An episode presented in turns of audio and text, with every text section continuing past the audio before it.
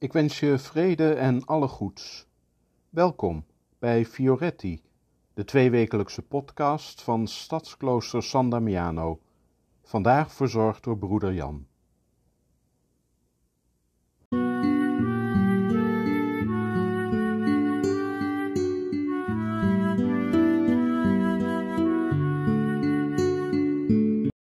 Ik ben wel eens jaloers, want heel vaak kom ik mensen tegen die iets kunnen dat ik ook graag zou kunnen, of bij wie een bepaald talent veel groter is dan bij mij. Iemand die mooier kan zingen bijvoorbeeld, of makkelijker spreekt, of iemand bij wie het studeren schijnbaar moeiteloos lijkt te gaan. Maar het gebeurt ook dat ik zulke mensen tegenkom met die grote talenten en ik geen jaloezie bespeur in mijzelf. Integendeel, ik bewonder die ander, geniet enorm van zijn of haar talent en voel me soms zelfs gestimuleerd om net zo te worden als hem, als haar. Inspirerende mensen zijn dat. Ze doen iets op zo'n mooie manier waardoor ze anderen raken, warm maken van binnen en uitdagen om ook het mooiste in zichzelf naar boven te halen.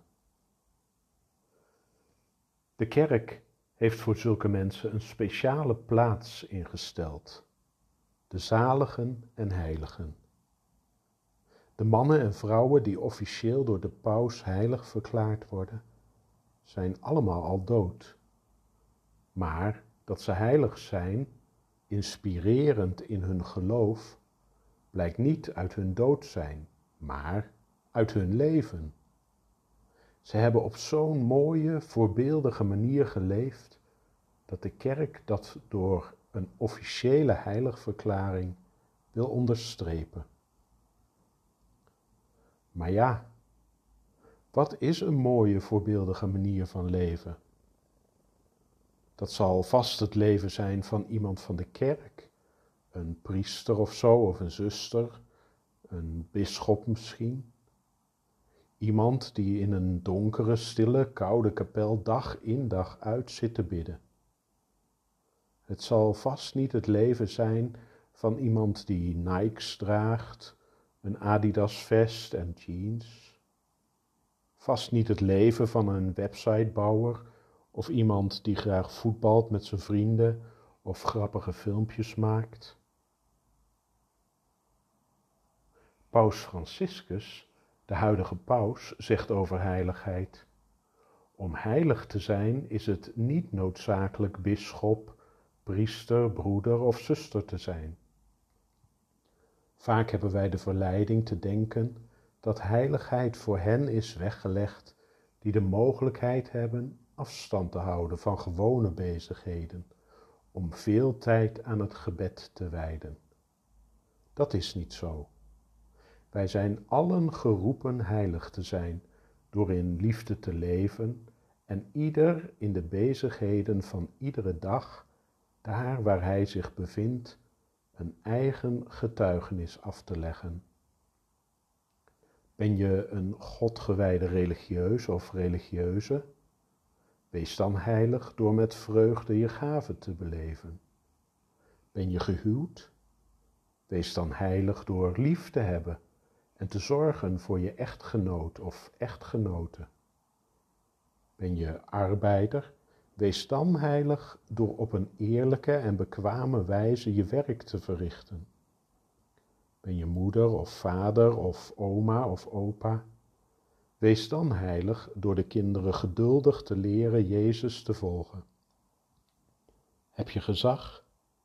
Wees dan heilig door te strijden ten gunste van het algemeen welzijn en af te zien van je persoonlijk belang. Dus volgens de woorden van de paus ook, kan ook jij heilig zijn. Ook jij kunt een mooi en voorbeeldig leven leiden door je talenten in te zetten voor de maatschappij, door dat wat God je aan mooie dingen heeft gegeven als het ware aan hem terug te geven.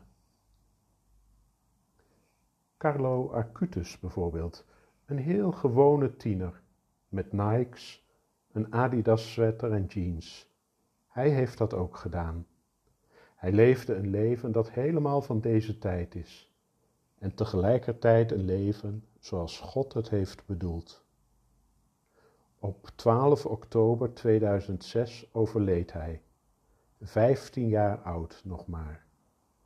En op 10 oktober 2020 heeft de paus hem zalig verklaard.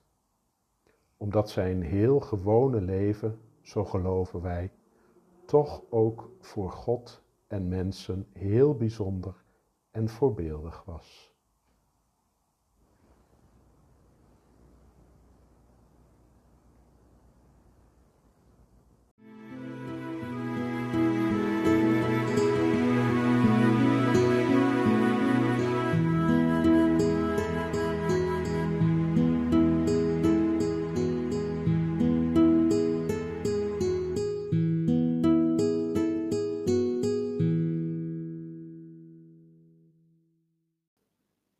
Bedankt voor het luisteren.